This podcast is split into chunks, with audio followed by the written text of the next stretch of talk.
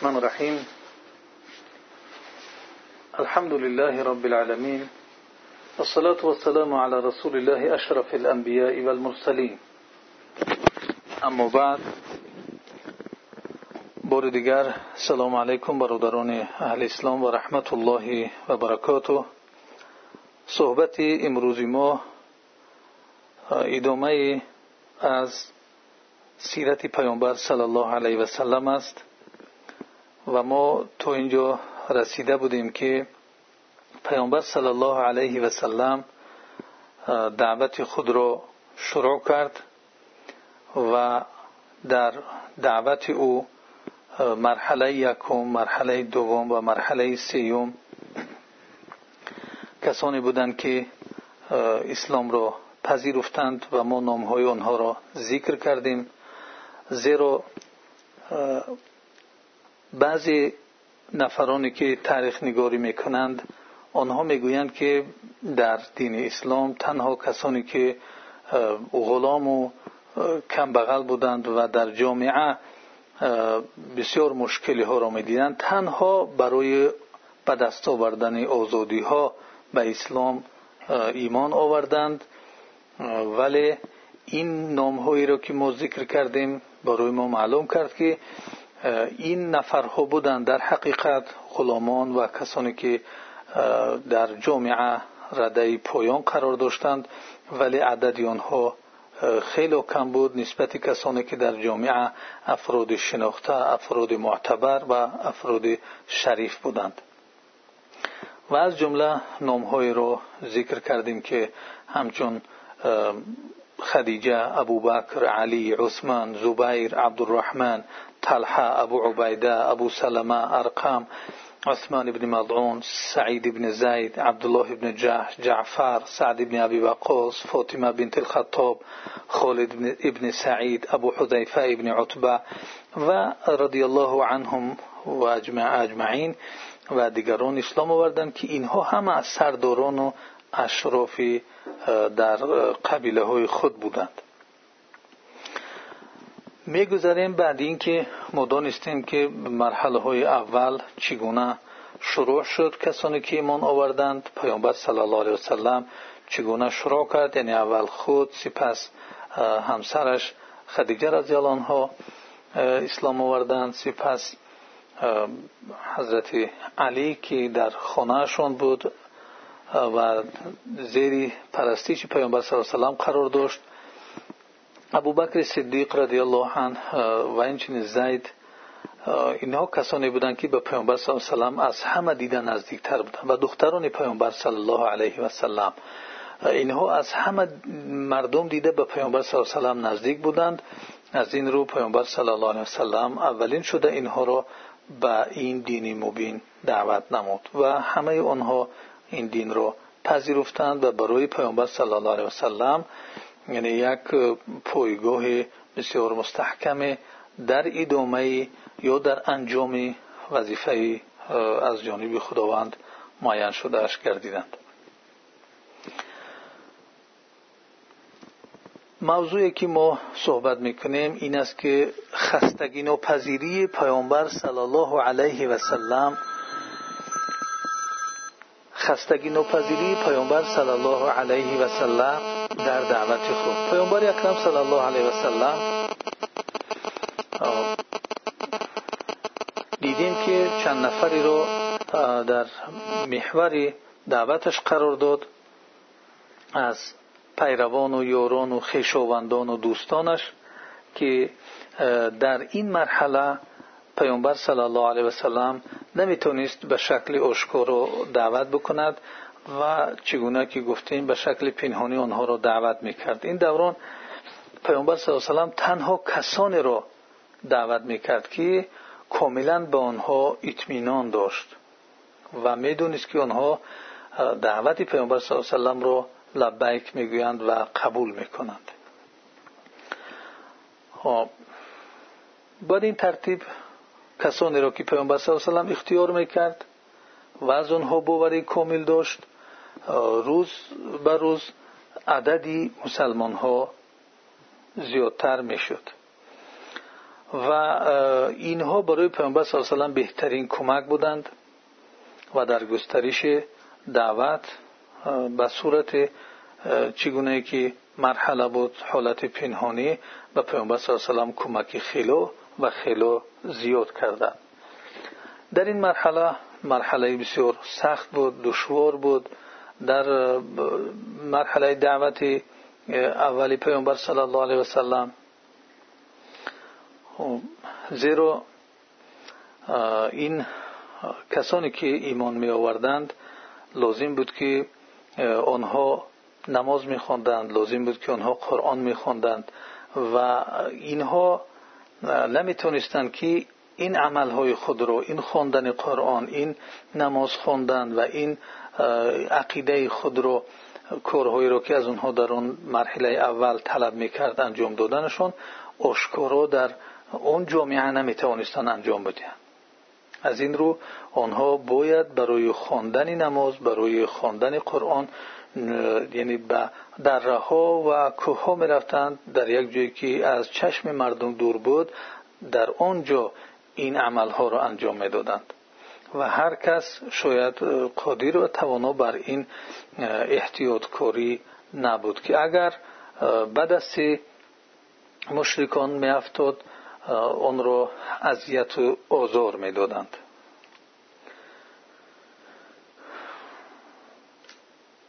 از این جهت پیامبر صلی الله علیه و سلم چندین جنبه ها رو فکر کرد از برای کسانی که دعوت رو پذیرفتند به مشکلی ها دچار نشوند یکی از آن راه این بود که نهایت پنهان از جامعهشان این کارها را انجام دادن بود. و حتی از خیشاوندان خود این چیزها را پنهان می‌کردند کسانی که ایمان نآورده بودند تا اینکه در مشکلی دچار نشوند. البته این نه از روی ترس بود نه از روی بزدلی بود بلکه پیامبر صلی الله علیه وسلم این چیزها را در اساس گفته های خدا و در اساس اون فهمیشی را که برای او داده بود الهام به قلبش از جانب خداوند می اومد و اندیشه بشری که داشت انجام می‌داد که در این حالت باید به این صورت کار را انجام بدهد. خب. و چگونه که گفتیم همه این دعوتی پیامبر صلی الله علیه و در این مرحله ها از قرآن سرچشمه می که در آن قصه های یعنی قصه هایی که از امتهای پیشینیان بودند و چی حالت به آنها رخ می‌داد از آنها عبرت گرفته پیامبر صلی الله علیه و دعوتش را ادامه می‌داد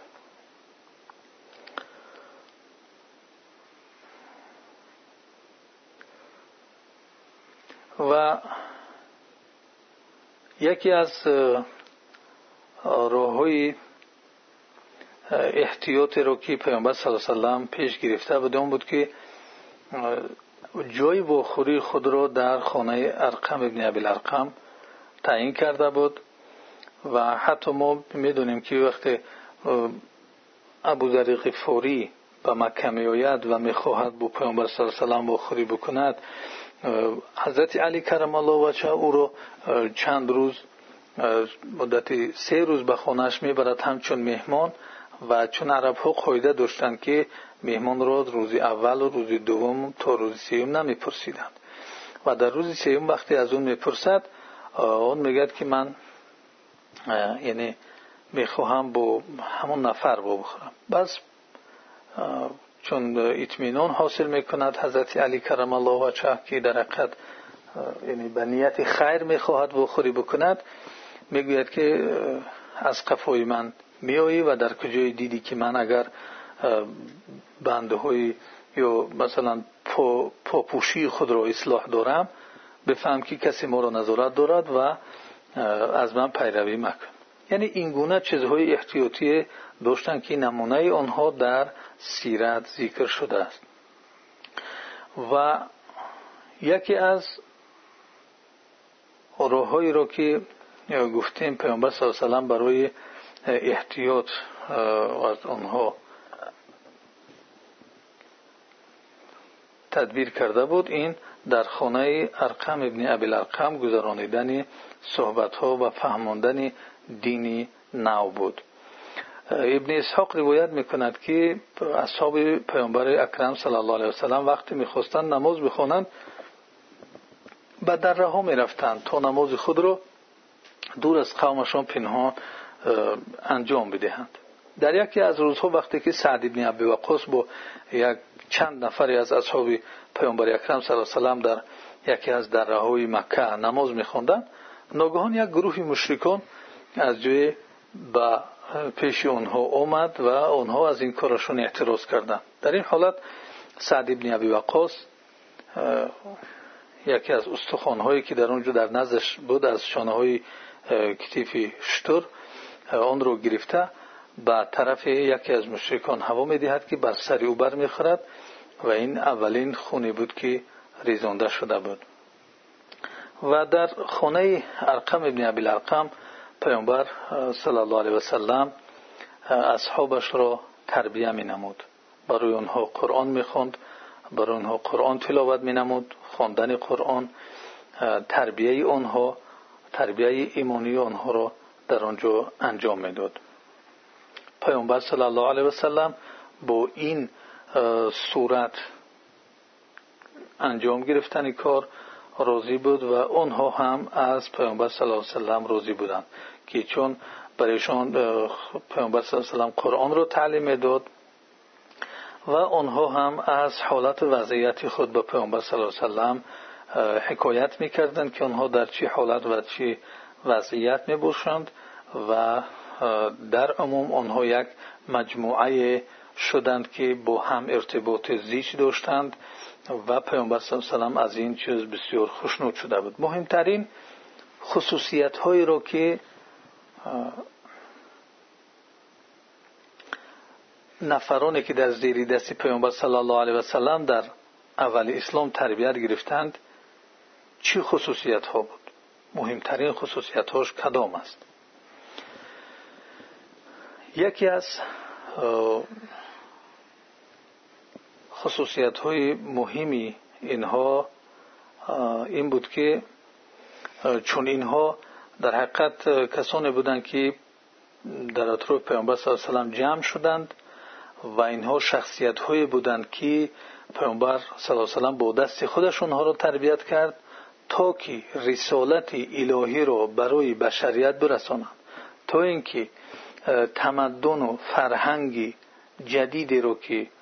تمدن و خدا و رسول خدا آن را می‌خواهد برای بشریت آن را پیشنهاد بکنند هر کس از عهده این وظیفه نمی برامد باید شخصیت های این کار را انجام می‌دادند که لیاقت استازیت و معلمی را داشته باشند تا این فرهنگ و مدنیت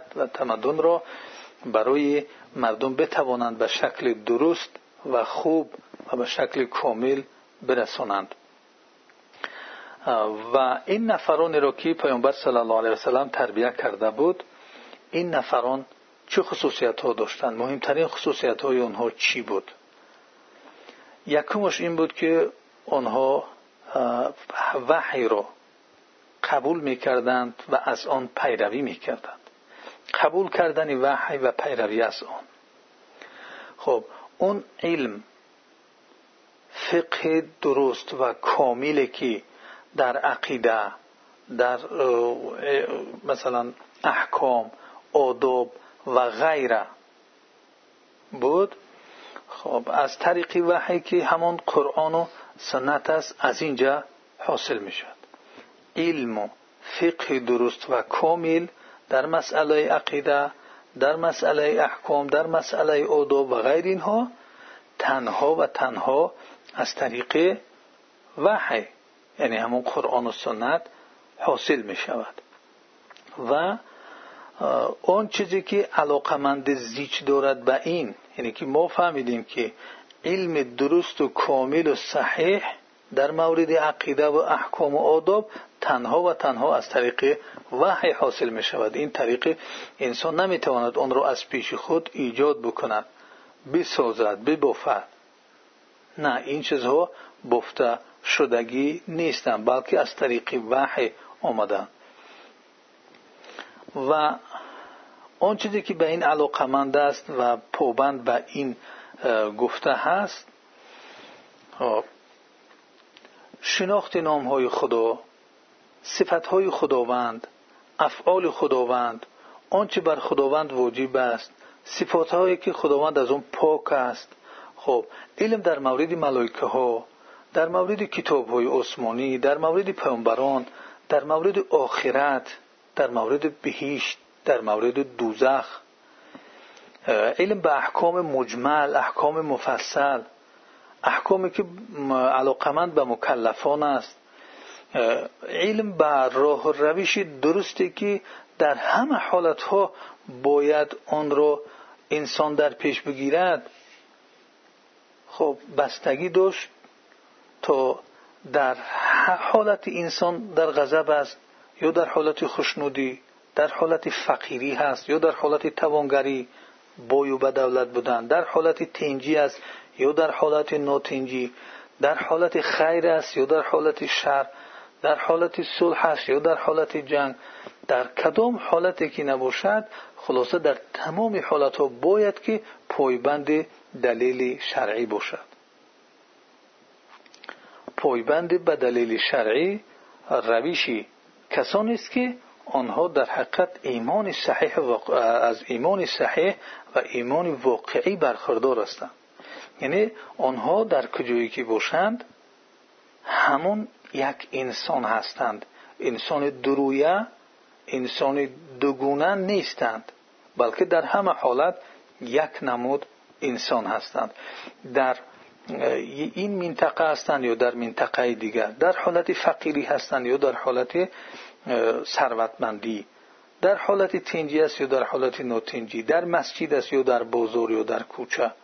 در همه حالت آنها در اساس آن علمی که گرفتند که در مورد عقیدهشون در مورد احکام در مورد ادب در همه جا آن را رعایه می‌کردند. هم به آن ایمان داشتند و هم به آن عمل می‌کردند.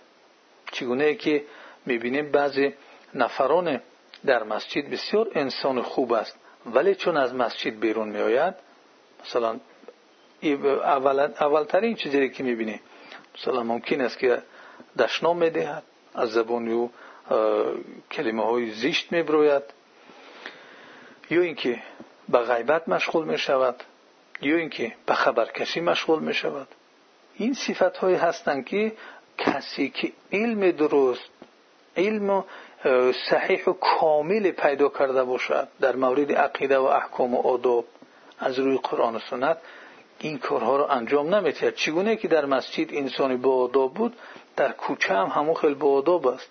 در بازار هم همو خیل با آداب است. در خانهش هم همو خیل با آداب است. نمی که در مسجد انسانی با آداب باشد و در خانهش میاد مثلا حقارت می‌کنه. یعنی که و امثال اینها. پس این اصحاب اصحاب رسول صلی الله علیه وسلم برخوردار بودن از این خصوصیت که آنها این علم را از سرچشمه صوفش گرفته بودند و به آن پیروی می‌کردند. چگونه که خداوند در سوره اعراف آیه 181 میفرماید اعوذ بالله من الشیطان الرجیم و من خلقنا امه یهدون بالحق و به یعدلون.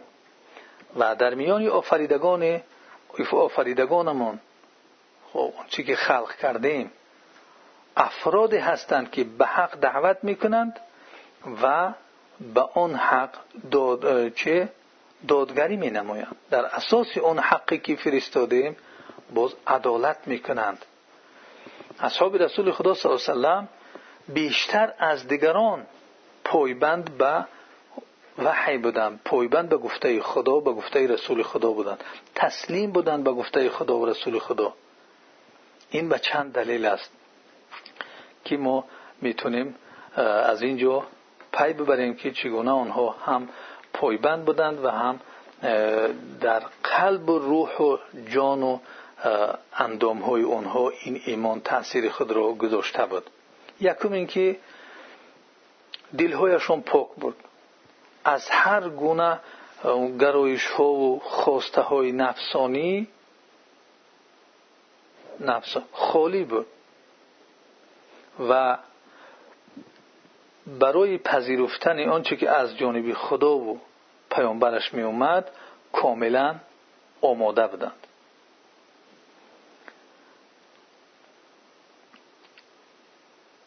خب به سخنان خدا به سخنان پیامبر صلی الله علیه و یقین داشتند. به یگان شک و شبهه به یگان سرپیچی از آنها اطاعت می‌کردند. ببینید آنها رو قبول می‌کردند. به یگان شک و شبهه به یگان سرپیچی به آنها مناسبت نموده و اطاعت خدا و رسولش رو انجام می‌دادند. گونه نبود که مثلا در میان ما هم امروز قرآن هست حدیث های پیامبر صلی الله علیه وسلم هست. ولی دلی پاک مثل دلی پاک اصحاب کرام. قلبی که در اون یا نفسی که در اون اون خیلی پوکی باشد که هر چیز به هر چیز آلوده نباشد این گونه دل این گونه نفس در کجاست؟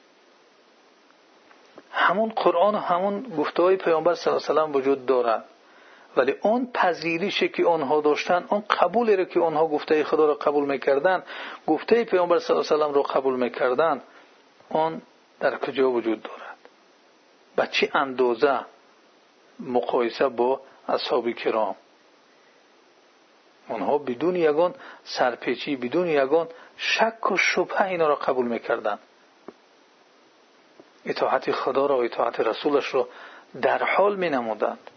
این یکم دوم چون زندگی آنها با نزول شریعت وحی همراه بود با پیامبر صلی الله علیه همراه بود. اونها با هم در یک وقت زندگی می‌کردند در یک وقتی که اونها با پیامبر صلی الله علیه زندگی می‌کردند در همون وقت هم شریعت نازل می‌شد وحی می اومد بنابراین شعن نزول آیه که به کدام سبب این آیت آمده است و در کدام احکام به کدام احکام دلالت می‌کنند نسبت به دیگرها آگاه تر بدن. آنها می‌دونستند که این آیت برای فلان مسئله آمده بود فلان کار شده بود. طبیعی است که اینها دیگر چی هستند؟ هم محیط را آگاه هستند و هم از نزول وحی که برای چی و چگونه نازل شده است. اینها بزرگترین اسبابی بودند که هم شریعت رو درست فهمیدند و درک کردند و به او عمل می‌کردند. می‌دونستند که این برای چی آمده است. میفهمیدند. برای اونها دیگر شرح بود. اون سبب نزولش که برای چی آمد و از اون حالت یا در اون حالتی که این آیت آمد پیامبر صلی الله علیه و چی حکم رو گفت؟ برای اونها فهمیدن دیگر این آیت ها آسان میگردید در اکثر وقتها چنین بود که نزول آیت های قرآن یا که وارد شدن بعضی از سنت های پیامبر صلی الله علیه وسلم در اثر چی بود؟ در اثر اینکه یک گرفتاری میان مسلمانان پیدا می‌شد یک مشکلات می‌شد چی مشکلات فردی یا چی مشکلات جامعوی یا اجتماعی؟ از این رو وقتی که نصوص شریعت وارد می‌شد چی؟ قرآن یا حدیث به طور مستقیم مورد خطاب آنها قرار می گرفتند همون اصحاب کرام همون مردمی که در اون زمان بودند و این تأثیری بزرگ در انسان می‌گذارد یعنی که اون مورد خطاب قرار دارد و تازه ترین یعنی حادثه که در اون وقتی آنها رخ می‌دهد این آیت ها و این احادیث درباره همون حادثه های زمان اونهاست. خب اونها می‌دونن که این حادثه در زمان اونها رخ داده است و این آیت و این حدیث درباره این واقعه هست درباره این حادثه است. و از جانب دیگر اینها کاملا آماده بودند برای پذیرفتن آن گفته خدا و آن گفته رسول خدا در مورد اون حادثه. مثل اون که یک زمین خشک است و منتظری باران هست. باران به مجرد آمدنش زمین اون را قبول می‌کند و علف میرویاند این گونه قلب های اصحاب کرام منتظر بودند. برای هر حالت حیاتشان برای اون حادثه هایی که رخ می‌داد منتظر آیت ها و منتظر احادیث پیامبر صلی الله علیه و بودند تا اینکه به اونها عمل بکنند. پس ببینید که فرق چگونه هست. خب اونها نه اینکه پشت شانه خالی می‌کردند یا میگریختند یا کوشش می‌کردند راههایی بیوند که به اون آیت عمل نکنند یا به اون حدیث عمل نکنند بلکه اونها منتظری بودند که یک آیت نوی یک حدیثی نوی پیدا بکنند و به آنها در عملشان زم شود احکامی بیشتری رو اطاعت بیشتری رو برای خدا و رسول خدا کرده باشند. و این چنین مسئله دیگر این بود که چون آنها با پیامبر اکرم صلی الله علیه وسلم هم عصر بودند در یک عصر در یک وقت زندگی می‌کردند. خب از این کوششه که بعدها پیدا شد که تشخیص می‌کردند که آیا این نس صحیح است یا ضعیف است. از این کوشش ها اونها بینیاز بودند. از این مش... یعنی مسئله هایی که بعدتر احتیاج به کوشش و به صرف وقت و امثال اینها شد آنها به نیاز بودن بنابراین آنها نیاز به شناس, شناس شدن به سلسله اسناد یا شناختن اون مردانی که در سلسله حدیث هستند یا روایت هستند احتیاج به آنها نداشتند. علت هایی مثلا اون مردها و غیر این مسئله هایی که در مصطلح حدیث هست که مثلا اسناد می‌شناسی و رجال اسناد می‌شناسی علت های اینها را می‌شناسی آنها احتیاج به این چیزها نداشتند. مشخص کردن که این صحیح است یا ضعیف است یا غیر امثال اینها برای آنها این مسئله دشوار نبود. برمیگشتن به نزد رسول صلی الله علیه وسلم برای آنها معین می‌شد که اون مسئله چیست؟ این سن است یا طرفی دیگر؟ برای آنها مشکل نبود. این چیزهایی بود که آن اصحاب کرام در احادیث یعنی احکام شریعت رو چی از قرآن و چی از سنت آنها میپذیرفتند و با آنها عمل می‌کردند. و این چنین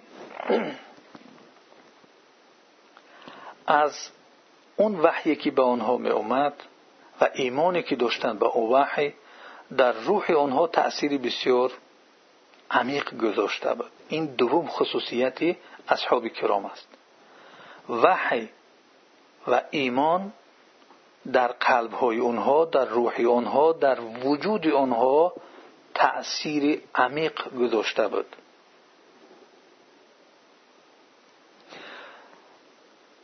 علم صحیح رو که صحابگان کرام رضوان الله علیهم اجمعین حاصل می‌کردند علمی را که حاصل می‌کردند اون فقط یک حقیقت علمی نبود که مربوط به عقل باشد بدون اینکه به قلب و جوارح انسان علاقمند باشد این گونه او را نمیپذیرفتند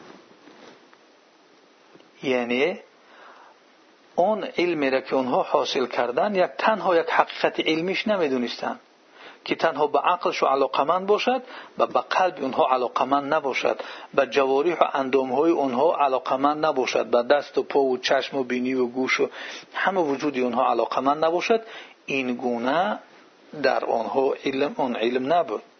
بلکه علم آنها وقتی که علم داشتن در مورد خدا در مورد نام های خدا در مورد صفت های خدا در مورد افعال خدا محبت خداوندی پرستش او اشتیاق به دیدارش بهرمندی لذت بردن از نگاه کردن بر چهره الله سبحانه و تعالی در بهشت را در آنان ایجاد می‌کرد. ببینید این این یک تنها علمی نیست که در عقل باشد. و من این علم رو دارم حفظ کردم از یاد می‌دونم. قرآن رو از یاد می‌داند صحیح بخاری از یاد صحیح مسلم از یاد.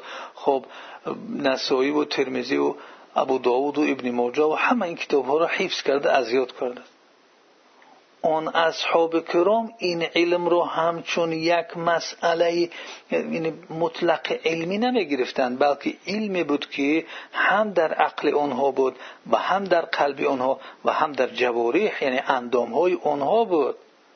آن علمی را که در مورد الله سبحانه و تعالی نام ها و صفت ها و افعال پیدا می‌کردند محبت خدا را در قلب آنها ایجاد می‌کرد. پرستیش الله در آنها ایجاد می‌کرد. خداوند پناه بدهد. گاه میشنوی انسانی هست که قرآن رو خیلی حفظ می‌دوند کاهل نمازی می‌کند. از قرآن با خبر است.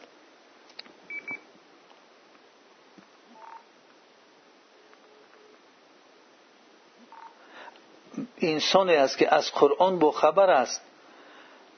فقط یعنی یاد که دارد مسئله که او را مشغول می‌کند فقط مسئله های اختلافی است. ولی محبت خداوند در قلب او جای ندارد فکر کردن اندیشه کردن در محبت خداوند در قلب او نیست. پس این علم برای او چی معنی دارد؟ اصحاب کرام اون علم رو که گرفتن یعنی نامهای خدا و صفتهای خدا و افعال خدا محبت خدا رو در قلبشو ایجاد کرد. آیا امروز کسی که اسما و صفات و افعال الله سبحانه و تعالی رو علم به دست میارد محبت خداوند در قلبش جای می‌گیرد به اندازه اون علم ها اصحاب کرام چون آن علم ها را پیدا کردن در قلب های اونها محبت الله ایجاد شد. در اثری ایجاد شدن محبت خدا پرستش او در قلب در وجود آنها ایجاد شد. که آنها دیگر می‌خواستند همیشه در عبادت الله باشند. آنها را کسی مجبور نمی‌کرد که برای نماز بخوان برای روزه بگی برای زکات بتی برای حج کن. امروز مجبور هستند یعنی انسان ها رو مجبور می‌کنی که نماز بخوان. می‌داند قرآن می‌داند حدیثه اون مجبورش می‌کنی که روزه بگی. زکات نمی‌دهد چندین سال شد که واجب گشت است در گردن او حج رفتن حالا میگه که من امسال آماده نیستم. آمادگی چی؟ مهمانی. هر انسان در این دنیا میره. ولی به مهمانی الله. آماده نیستی. خداوند همه شرایط رو برایت محیا کرده است. یعنی مهمانی به هر خانه و به هر در و به هر یک انسانی که یک قدم از او بالا باشد همون لحظه می دود می رود همه ارتباطاتش بر هم میتید همه کارهاش همه موعد و آن چیزایی که در برنامهش هست آنها رو بیکار می‌کند لغو می‌کند. می‌رود به مهمانی یک نفر. ولی الله المثل الاعلی به مهمانی خانه خدا. چرا نمی‌رود انسان؟ علم ندارد. علم دارد ولی علمی که حاصل کرده است از اسلام در قلب او پرستیش خدا را ایجاد نکرده است. محبت الله را به اندازه که لازم است در وجود او ایجاد نکرده است. اگر آن علم در وجود او ایجاد می‌کرد این محبت الله را اون پرستیش الله را مشغول می‌شد. چی از نماز چی از روزه چی از زکات چی از حج چی از دروغ نگفتن چی از پاره نگرفتن رشوه نگرفتن غیبت نکردن دشنام ندادن. آشکارا انسان هایی هستند که امرشون هم خیلی رفتگی است. دشنام میتیند در جایهای جمعیتی در پیش باز مسلمان ها اون چگونه علم خداشناسی در قلب داری کی؟ محبت الله در قلبت باشد چرا به جای آن دشنامت ذکر الله نیست؟ چرا وقتی که یک غضب میآید سبحان الله نمیگوی استغفر الله نمیگوی؟ بلکه دشنام استفاده می‌بری. دشنام روسی و تاجیکی و نمی‌دونم هر زبان دیگر دشنام ها را یاد گرفته. پس معلوم می‌شد اون علمی رو که از اسلام داریم تنها در عقل اون در قلب و در اندام های او جای نگرفته است. اگر اون در اون علمی که حاصل کرده بود اگر ایجاد می‌شد در حقیقت در قلب و جواریحش اشتیاق به دیدار الله سبحانه و تعالی می‌کرد. کسی که شوق به دیدار الله سبحانه و تعالی دارد آیا اون خود را مانعه های ایجاد می‌کند؟ با دشنام دادن با دروغ گفتن با غیبت کردن با خبرکشی کردن با پیش راهی یک مسلمان گرفتن. او انسانی که خدا را علم خداشناسی و اسما و صفات و افعال را داشت اصحاب کرام آنها لذت می بردند. از اینکه چی؟ ما فردا به چهره الله سبحانه و تعالی در بهشت مشرف شیم. این چیزها ایجاد می‌شد؟ در شوق دیدار الله سبحانه و تعالی بودند. وقتی که این چیزها یعنی محبت خداوندی پرستش او اشتیاق دیدار و بهره برداری و لذت بردن از چهره الله سبحانه و تعالی در بهش در قلب اونها وقتی ایجاد می‌شد در اثر این باز چی می‌شد؟ تعظیم خداوندی. اونها خدا رو بزرگ می‌دونستند. این خداوند ذاتی نیست که گپی او گرفته نشود. این خداوند ذاتی نیست که گپی او را انسان زورکی بگیرد نه به محبت. عبادت چیست؟ عبادت فروتنی کردن خود را خار گرفتن در پیش کسی یا چیزی با محبت. هم باید چگونه که ما نماز می‌خونیم سر خود را پیشانه و بینی خود را در زمین می‌گذاریم این خاری هست و باز محبت باید باشد. دوست میداری که این کار را انجام میدی این می‌شود عبادت. اگر محبت نباشد عبادت نمی‌شود. پس این علم آنها تعظیم خداوند را در قلبشان ایجاد می‌کرد. ترسیدن از خدا را در قلب آنها ایجاد می‌کرد.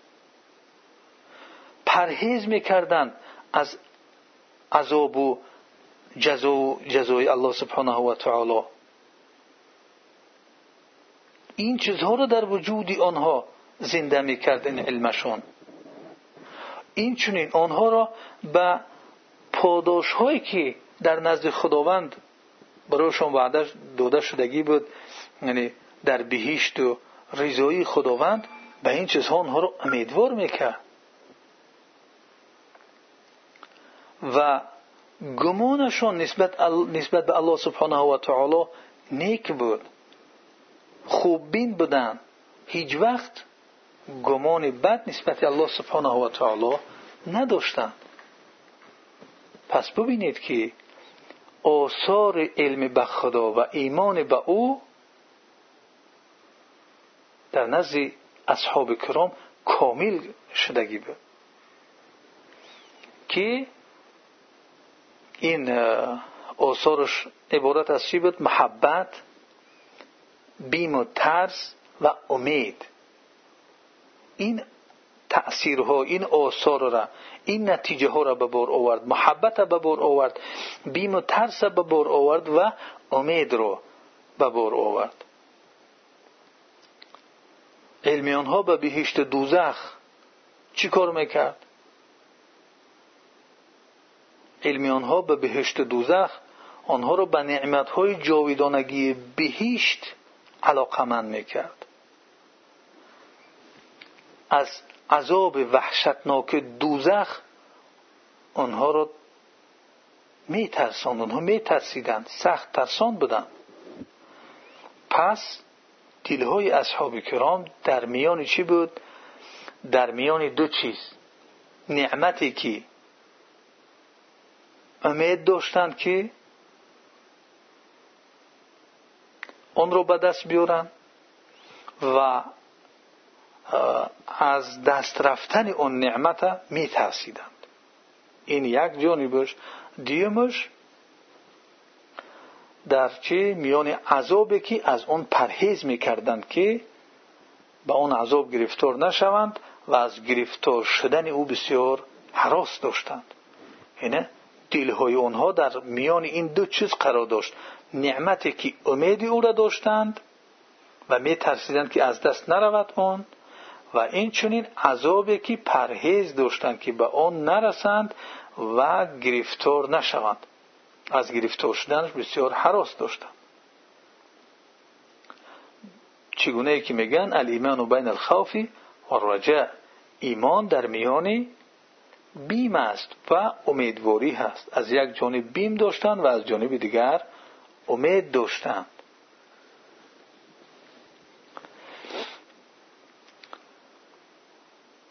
خب پس قلب های آنها با ترس و امید وابسته بود به چی؟ به آخرت.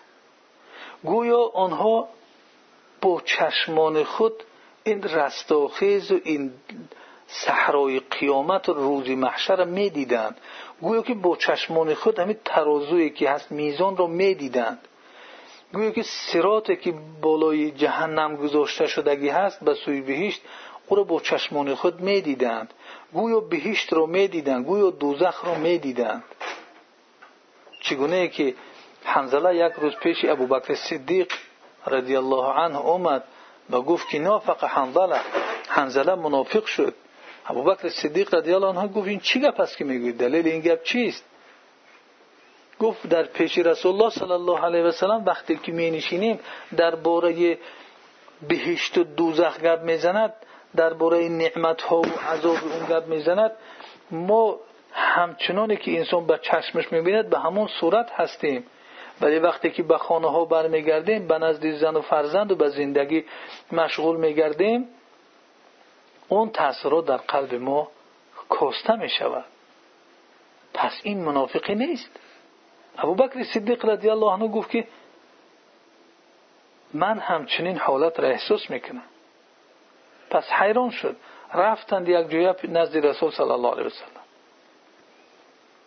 یعنی ببینید که آنها این گونه تصور داشتند. در نزد رسول صلی الله علیه وسلم چون آنها درس گرفتند آنها به صورتی که این به چشمش انسان می‌بیند بهشت دوزخ رو این گونه تصورات داشتند.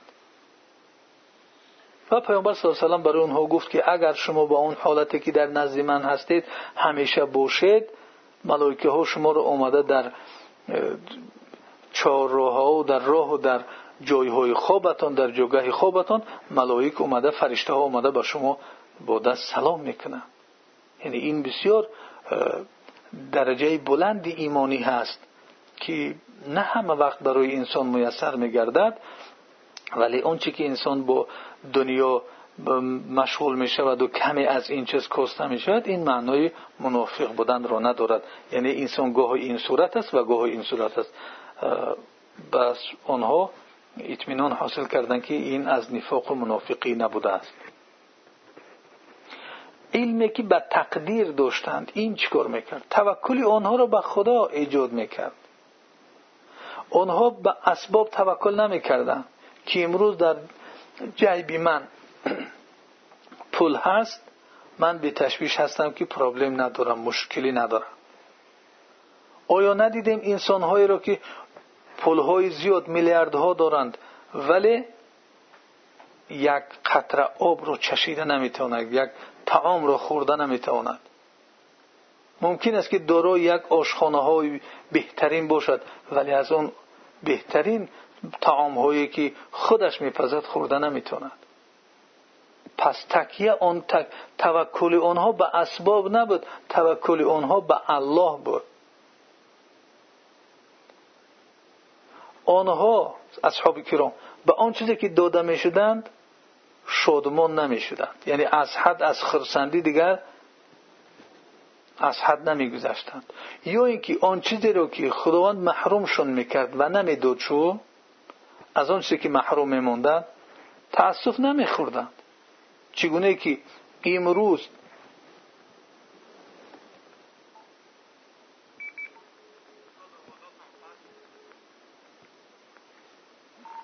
چگونه که امروز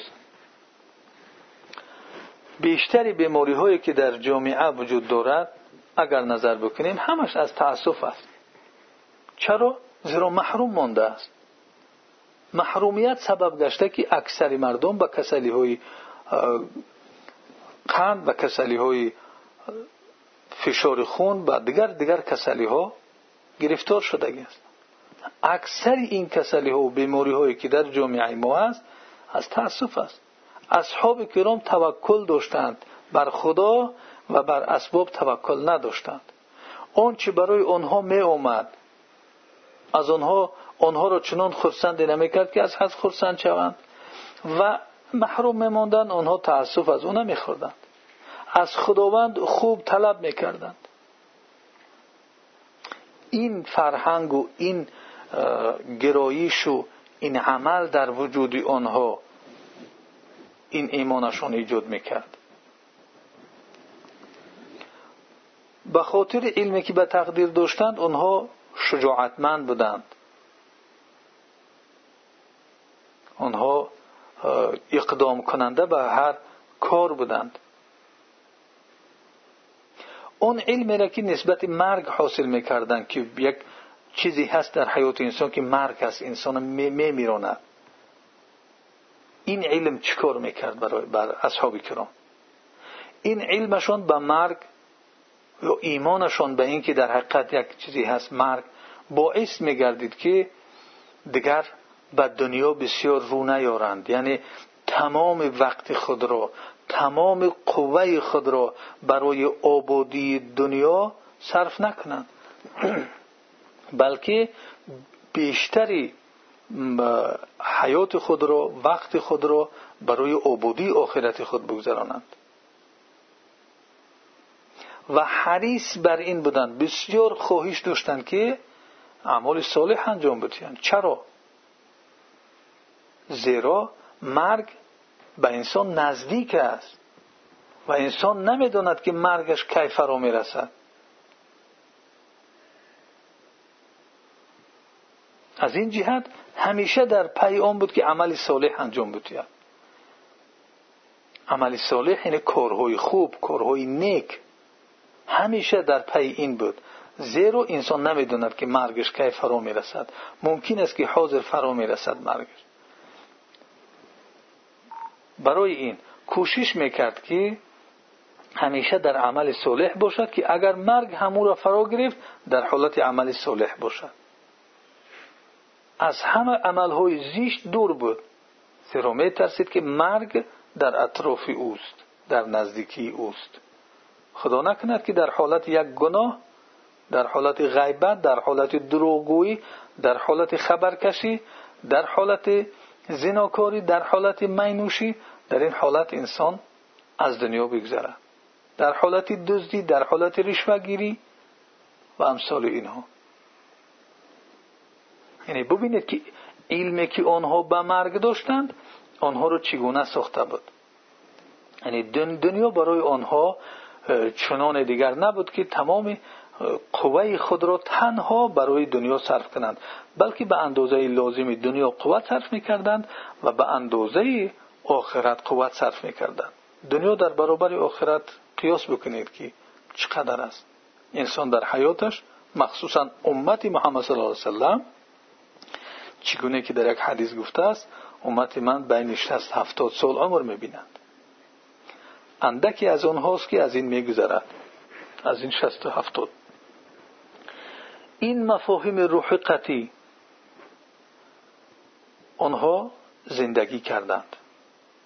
اون علمی که پیدا کردند با این مفاهیم روحی خب بزرگترین هدفی بود که در تحصیل علم به شمار می رود هر علمی که هرگاه علمی را که انسان حاصل می‌کند این مفهوم ها در او نباشد. این مفهوم ها و این نتیجه ها را اون علمش نتید اون علم نه تنها اینکه در دنیا و آخرت براش فایده ندارد بلکه زیانش هم دارد. اصحاب کرام از این مفهوم های روحی بهره بزرگی برداشتگی بودند ایمان آنها از ایمان دیگران دیده ریشهدارتر و کاملتر بود.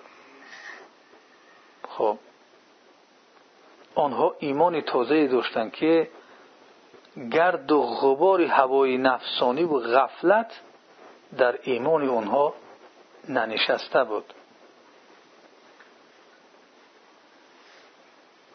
و اون تعلیمات و این ایمان رو از پیامبر صلی الله علیه وسلم آموختند. در مکتب پیامبر صلی الله علیه وسلم. اصحاب رسول خدا صلی الله علیه وسلم انسان هایی نبودند که شاید انسان گمان کند که تنها اونها دیگر فقط به عبادت و در کنج مسجد و امثال این مشغول بودن. نه. فرسان بالنهار رهبان باللیل بودند. یعنی در روز آنها سوارگان بودند در شب آنها عبادت عبادت کنندگان بودند. یعنی دو طبیعتی که در روز این بسیار شجاع بسیار کارمند بسیار سواره یعنی کارمند بودند در روز تکاپوی زندگی در شغل میورزیدند و در شب هم چی بودند؟ عبادتگر بودند.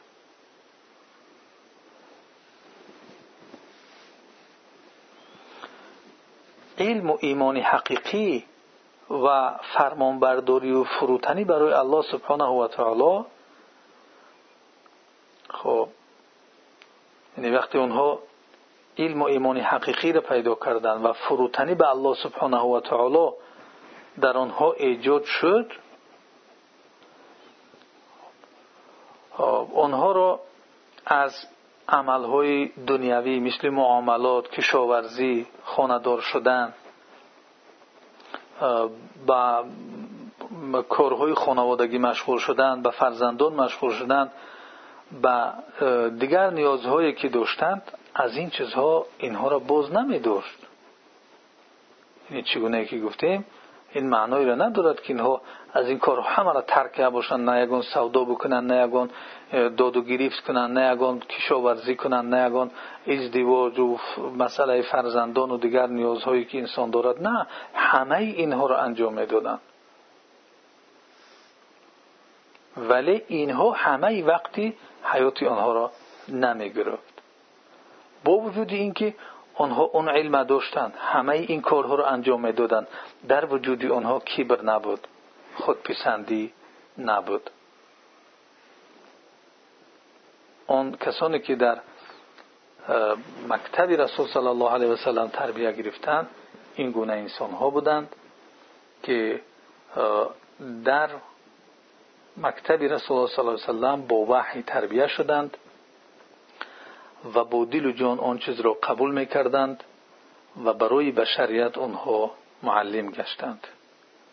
برای هر یک انسان لازم است که آن نمونه ها را خوب بداند و برای حیات خود از آنها عبرت بگیرد که آنها چگونه خدا را شناختند و خداشناسی آنها در حیاتشان چگونه تاثیر گذاشت. آنها به خدا ایمان آوردند ایمان به خدای آنها در آنها چگونه تاثیر گذاشت.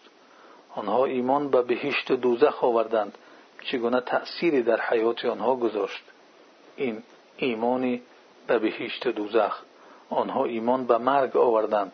این مرگ در حیات آنها چه تأثیری گذاشت؟ خدا کند که این تأثیراتی را که اصحاب کرام از این علم ها گرفتند و بهترین شخصیت ها شدند که علم برای آنها تنها در عقلشان نبود بلکه در قلبها و در تمام اندامها و جوارح آنها تأثیر خود را گذاشته بود. در ما هم این گونه اثر خود را بگذارد. و آخر دعوانا ان الحمد لله رب العالمین. و جزاکم الله خیر اگر سوال باشد در این مورد جای نامفهوم مرحمت بفرمایید.